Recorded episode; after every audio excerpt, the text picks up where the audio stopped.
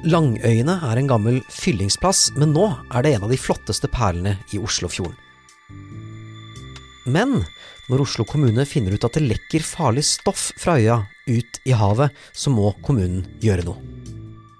Og skipet som leies inn for å gjøre jobben, har det helt rent arbeidslivsmel i posen. Gjennom egne observasjoner, innsyn og mye tålmodighet har én journalist i Aftenposten stort sett gravd frem svaret på dette alene. Mitt navn er Nikolai Delebekk. Dette er Siste skup.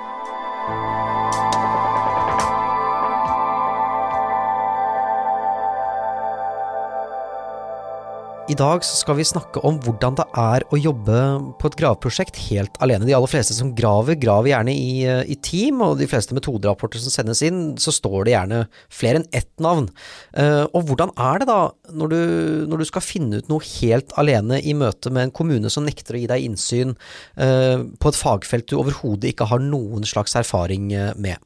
Velkommen til deg, Maria Petrem i Aftenposten. Vi skal snakke om uh, ditt graveprosjekt, kommunens karibiske lasteskip.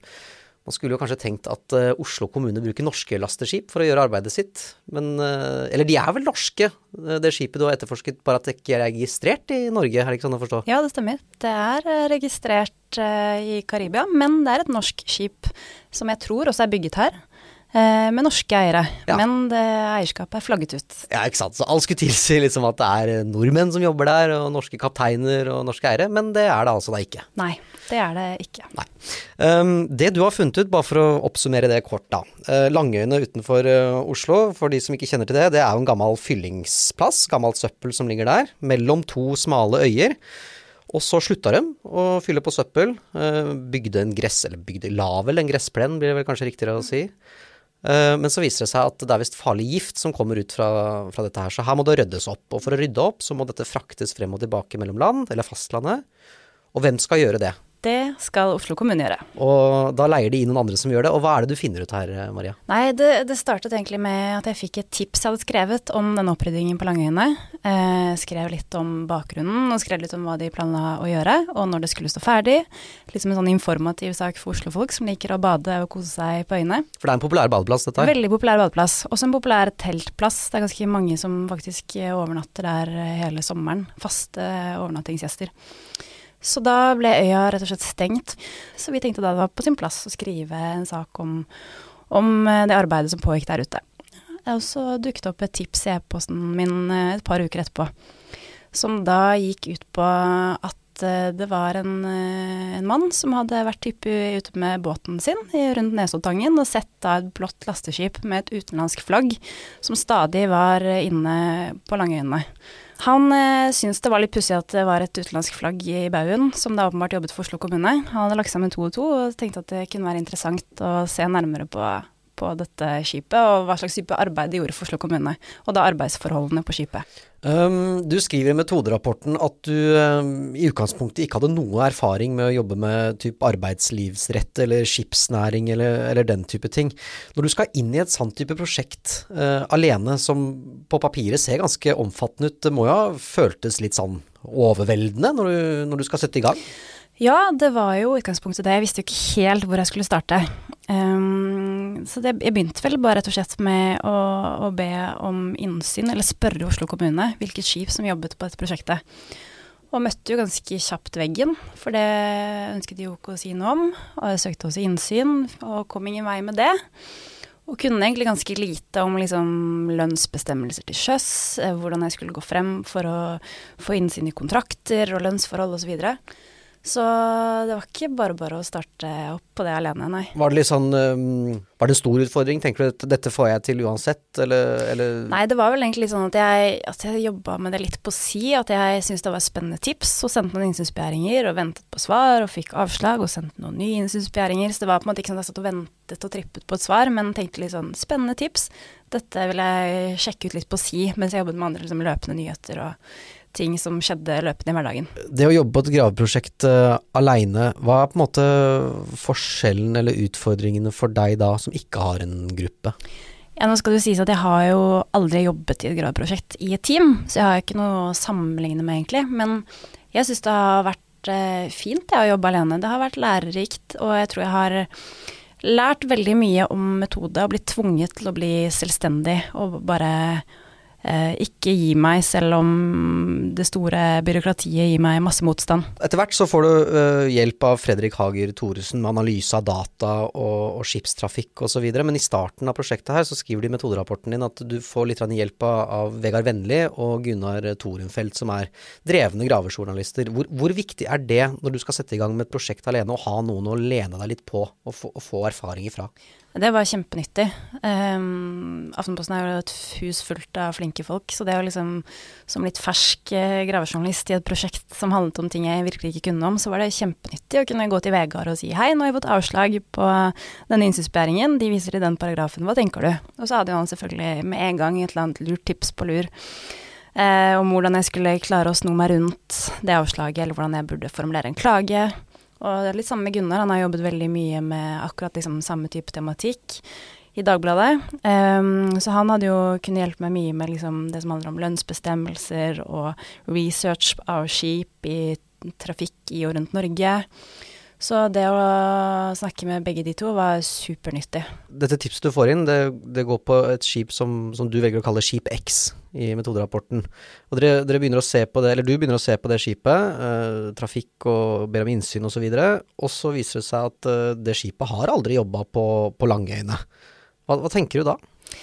Nei, jeg skal jo ikke legge skjul på at det var akkurat der og da ganske demotiverende. Her hadde vi da navnet på et skip, og vi visste at det gikk eh, i indre Oslofjord og rett forbi Langøyene. Men når vi da begynte å innse at det har jo faktisk ikke stoppet på Langøyene, det har gått rett forbi, så begynte vi å tenke at her kan jo tipset rett og slett ha sett helt feil. Det kan jo være at dette skipet har gått rett inn til havnebassenget for å laste av et eller annet, og da har vi jo ingen eh, grunn til å krysse det til Langøynes, eller Oslo kommunes Langøyene-prosjekt i det hele tatt. Så akkurat der og da var det ganske demotiverende. Men så ved hjelp av den skipstrafikkdataen Fredrik hadde samlet inn, så så vi jo ganske raskt at det var et annet skip som egentlig var i hva man kan si, samme båt som det andre skipet. Ja, nå er god. Han er god. Ja. Um, som også var registrert i Karibien. Uh, som faktisk hadde vært innom Langøyene veldig mye. Så det er mye karibiske skip ute i Oslofjorden, altså? Det er mye flere enn du tror. Ja. Mm, som går i fast trafikk indre Oslofjord. Ja. Hva blir veien videre her da? Nå har dere funnet ut at det er et annet skip. Uh, må dere finne opp en helt ny hypotese? Uh, begynner dere helt på nytt igjen? Hva gjør dere da? Nei, da var det jo, når vi da så at det var et annet skip, og vi hadde navnet på det, så var det jo inn i disse kystdatabasene og sjekke opp skipet. Hva slags skip er det, hvem eier det, hvor er det registrert? Så det gjorde vi, og fant jo ganske raskt ut at uh, dette er snakk om et ganske lignende skip, et lasteskip, som også er uh, registrert i en karibisk øystat som jo er kjent for å tilby såkalte bekvemmelighetsflagg, som gjør at uh, eier slipper å betale høye skatter og forholde seg til norske lønnsbestemmelser. Um, så vi eh, kunne ganske, med ganske stor sikkerhet da slå fast at vi sto overfor en samme type problemstilling som om det hadde vært skip X, som vi først trodde det var. Og så, og så begynner du å søke mer innsyn. Du får ikke noe, får ikke noe særlig innsyn. Etter hvert så, så går du ut aleine og observerer dette skipet. Hvorfor velger du å gjøre det? Det var eh, egentlig, egentlig, litt tilfeldig. Det var, jeg hadde en bekjent som eh, jeg var ute på båttur med en dag i mai, og jeg kom på at hadde jo vært gøy. Vi kjørte liksom rundt Hovedøya og var liksom ute på en fin båttur en sommerdag, og så kom jeg på at det hadde vært interessant å bare kjøre forbi Langøyene og se hvordan det ser ut der ute nå. Hvordan har det blitt? Og jaggu lå jo ikke skipet til havn. Eh, så da kjørte vi så nærme som vi kom. Det holdt jo på å lasse av eh, sand eh, mens det lå der. Så, men det var bare interessant og gøy å se det med egne øyne. Der er skipet som vi jo nå egentlig visste at jobbet for Oslo kommune på Langøyene. Men faktisk det å se skip levende, i levende live, se arbeiderne på skipet jobbe, se det karibiske flagget i baugen, det, jo, det gjorde jo inntrykk. Ja, fikk du noe nytte av det i saken? Ja, på en måte. Det var jo nyttig å kunne skildre hvordan de jobber, kunne skildre hvordan det ser ut. Kunne faktisk, selv om man ser den lille prikken på Marine Traffic som ligger ved Langøyene, så var det noe med det å faktisk se det fysisk, at der ligger det faktisk ved Langøyene. Mm. Det er sånn det ser ut der, er de fem eh, arbeiderne som vi omtaler i, i saken. Mm. Um, så det var Og så knipset vi jo litt bilder, det var jo viktig for bildebeviset. Så det var kjempenyttig. Uh, litt tilbake til, til dine erfaringer. Du, har, du, har, du, gravd noe før? Jeg har vel drevet med litt sånn småskala hverdagsgraving. Ikke noe, ikke noe like stort som dette, men har jobba en del med innsyn og med store kommunale byggeprosjekter og sett på Mm. anbudsprosesser og sett på kommunens innkjøp av indisk og kinesisk granitt og regnskogtømmer, og jobbet litt med lignende type tematikk, men ikke vært borti liksom kystdatabaser og lønnsreguleringer til sjøs og, og det ja, Sjømannsforbundet valgte å kalle det sosial dumping. Så um, det var ganske mye nytt for meg, ja. Mm. Hva er det vanskeligste med å jobbe på et sånt prosjekt alene? Det vanskeligste er vel at man ikke alltid har noen å spare med med en gang. At eh, den eh, nærmeste å spare med ofte var en reportasjeleder som har mange andre journalister å forholde seg til også. Ehm, så det, det er kanskje det mest utfordrende, men samtidig veldig lærerikt, da. Lærte jo veldig mye av å da ikke kun ikke kun trekke på andre, men stole litt på egne vurderinger og være tålmodig, ikke minst. Det var jo et arbeid som strakte seg over flere måneder, hvor det var um, Det kunne gå en måned uten at det egentlig skjedde så veldig mye fremgang, fordi jeg satt og ventet på innsynsbegjæring jeg hadde klaget på, eller måtte bare egentlig ta tiden til hjelp og holde på med andre ting ved siden av og se hva som kom ut av det. Visste jo aldri om det hva slags sak det kom til å bli, eller om det kom til å bli en sak. Men blir den saken på en måte litt sånn putta litt ned på lista, da, litt sånn surrende i bakgrunnen, og så, og så jobber du med andre ting, og så når det kommer noe nytt, så bare Oi, ja, faen, jeg jobba med det også, liksom? Eller blir det litt sånn? Ja, det ble litt sånn at jeg satt og jobbet litt med løpende nyheter og litt sånn andre små og store prosjekter, og så idet det kom inn dokumenter i e-postkassa, så var det liksom å plukke opp prosjektet igjen og se ok, hva sitter vi på nå, har vi nok til å skrive en sak? Eh, koble på Fredrik, som da kunne gjøre disse analysene av skipsdatatrafikken, og så til slutt da i juni se at ok, men nå sitter vi faktisk på nok informasjon til å kunne skrive ut en sak. Mm. Og da, først da, var det vel vi liksom in, in, intensiverte arbeidet, og, um, og faktisk brukte vel en uke eller to på faktisk bruke hele dager på å bare skrive ut. Eh, Hva ble det store gjennombruddet i saken her, sånn du ser det? Nei, det store gjennombruddet kom vel da typ i mai-juni, da vi både kunne fastslå hvilket skip det var snakk om, vi kunne fastslå at de jobbet for Oslo kommune, vi, kunne, vi hadde da vært ute og sett det selv, vi hadde tatt bilder av det, og vi kunne da snakke med Sjømannsforbundet. De brukte jeg jo som en kilde underveis for å forstå liksom hva slags type problemstilling vi sto overfor. Og når de da bestemte seg for å gjennomføre en inspeksjon på skipet, uanmeldt, for det er jo noe Sjømannsforbundet driver med jevnlig, de følger spesielt med på skip som er flagget ut til eh, denne type bekvemmelighetsflaggstater. Eh, Så hun, eh, min kilde derfra, bestemte seg da for å dra ut på en inspeksjon på Vestbris på eget initiativ. Er det, er, det noe du har bedt henne om å gjøre, eller gjør hun det helt selv? Dette gjør hun helt selv. Eh, hun hadde allerede vært på en inspeksjon på dette skipet for et par år siden, men eh, da jeg snakket med henne, så sa hun at eh, hun hadde på blokka å gjennomføre en ny inspeksjon på dette skipet eh, så fort det var inne i Oslofjorden igjen. Så det var noe hun gjorde en ukes tid etter at vi snakket sammen. Hvorpå hun tok kontakt i ettertid og fremla funnene sine for oss. Og det ble helt avgjørende for å kunne faktisk, siden Oslo kommune selv nektet, oss innsyn i eh, lønnsnivåer og lønnsslipper, så ble det helt avgjørende at hun kunne faktisk eh, vise oss hva arbeiderne på skipet tjener. Ja, nettopp. Og den rapporten fra, fra Sjømannsforbundet den viser jo da at disse, disse matrosene skal ha tjent ca. 90 kroner timen og 26 000 kroner i måneden, og det er da før skatt. Og så skriver du også i metoderapporten at sammenlignbare tariffer for norske skip tilsier at en matros skal tjene ca. 44 000 kroner i uh, måneden før skatt, og det er jo 20 000 ca. mindre, da. Disse matrosene tjener enn det de skulle ha tjent hvis de hadde fulgt norsk, norsk tariff. Så den inspeksjonen fra Sjømannsforbundet blir jo da selvfølgelig um, helt sentral. Uh, hvor viktig er da kildearbeidet du har hatt med, med Sjømannsforbundet i forkant her? Nei, det, det, ble jo veldig sentralt. De var jo da, som jeg nevnte, en, en kilde jeg brukte mest i research for å forstå nettopp liksom hva, hva er bekvemmelighetsutflaggede skip, det visste jeg jo ingenting om. Eh, hvordan reguleres lønn til sjøs på norske skip. Og i skip som både går i norsk og internasjonalt farvann.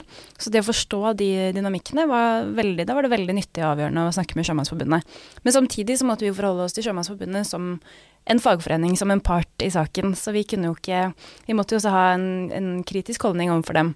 Hvordan ga det utslag i, i arbeidet? Hvilke etiske vurderinger landa dere på, liksom?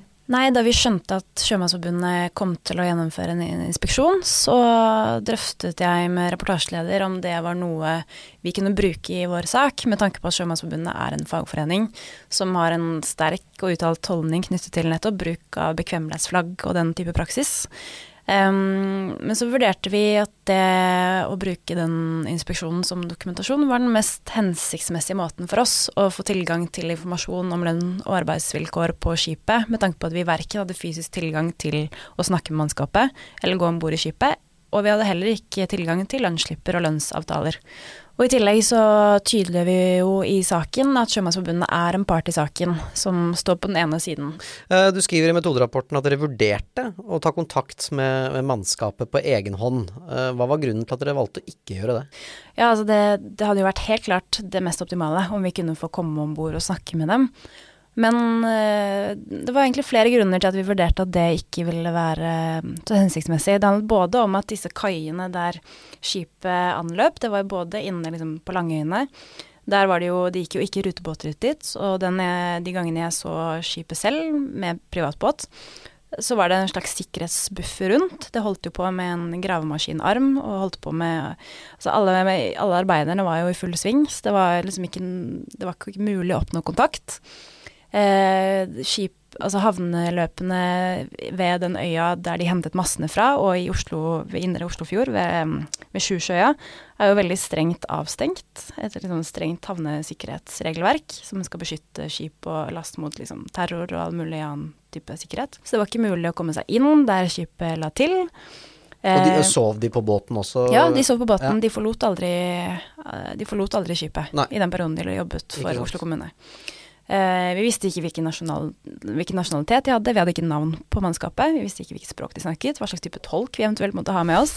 I tillegg var det jo koronasituasjonen. Kunne vi gå om bord? Ville de slippe oss om bord? Karantene ti dager før, ja. før de går på.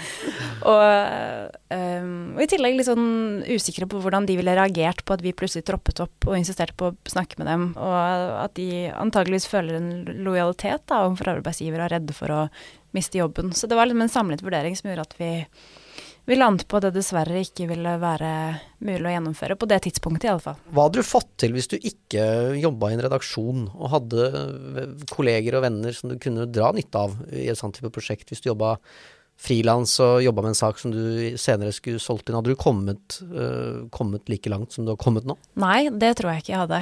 Det hadde kanskje gått på lang sikt, men jeg hadde nok vært mye mer motløs. Både det å kunne trekke på liksom, hjelp til innsyn fra Vegard var kjempeavgjørende. Det å samarbeide med Fredrik, som jobbet med innsamling av disse kystdataene, det var noe jeg ikke hadde noe kompetanse om. Uh, og det å snakke med Gunnar og, og, få tips fra han til uh, kilder og til fremgangsmåter var uh, super, supernyttig. Så å jobbe med dette alene tror jeg hadde vært ganske både kjedelig og ja, tungt. Mm. Hvilke konsekvenser får det her uh, for de som jobber på båten? Oslo kommune har konkludert med at mannskapet skal etterbetales. Så det jobbes nå med å finne ut av hvordan dette skal gjøres. Eh, det er fortsatt en uenighet mellom Veidekke og Oslo kommune om hvorvidt tariffavtalen mannskapet har blitt lønnet etter, er en norsk tariffavtale eller ikke. Og der står egentlig striden helt fast. Eh, fordi Veidekke mener at eh, denne tariffavtalen som skip følger, er en avtale som skal gjelde for skip i internasjonalt farvann. Norske skip i internasjonalt farvann.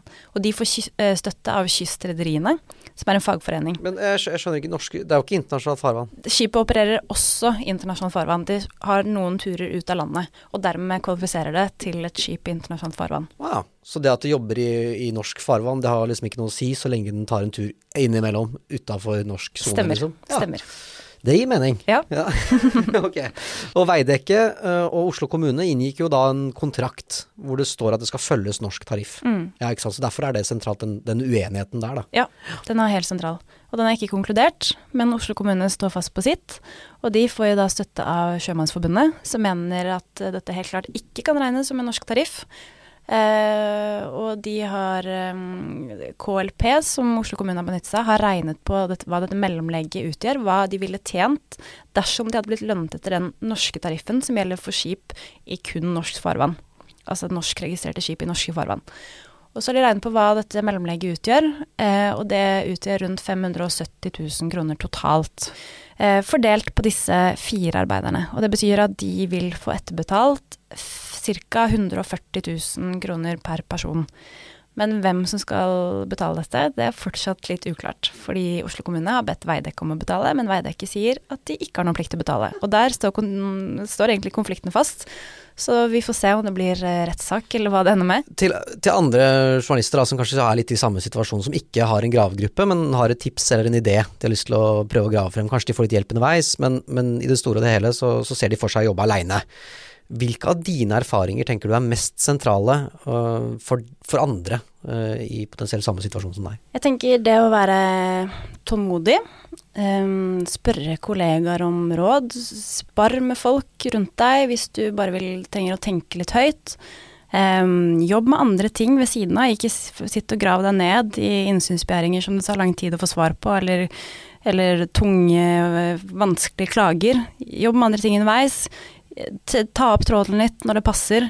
La saken ligge og modne litt, og kjør på når du har nok til å skrive ut en sak. Maria Petrem, tusen hjertelig takk for at du var med på Siste skup. Lykke til med metoderapporten, selvfølgelig. Vi er tilbake igjen i morgen med en ny utgave av eh, Siste skup. Da skal vi se på et eh, litt annet tema. Vi skal ta et lite dypdykk i hvordan du kan bruke digitale spor som i utgangspunktet ikke identifiserer noen, til å identifisere noen.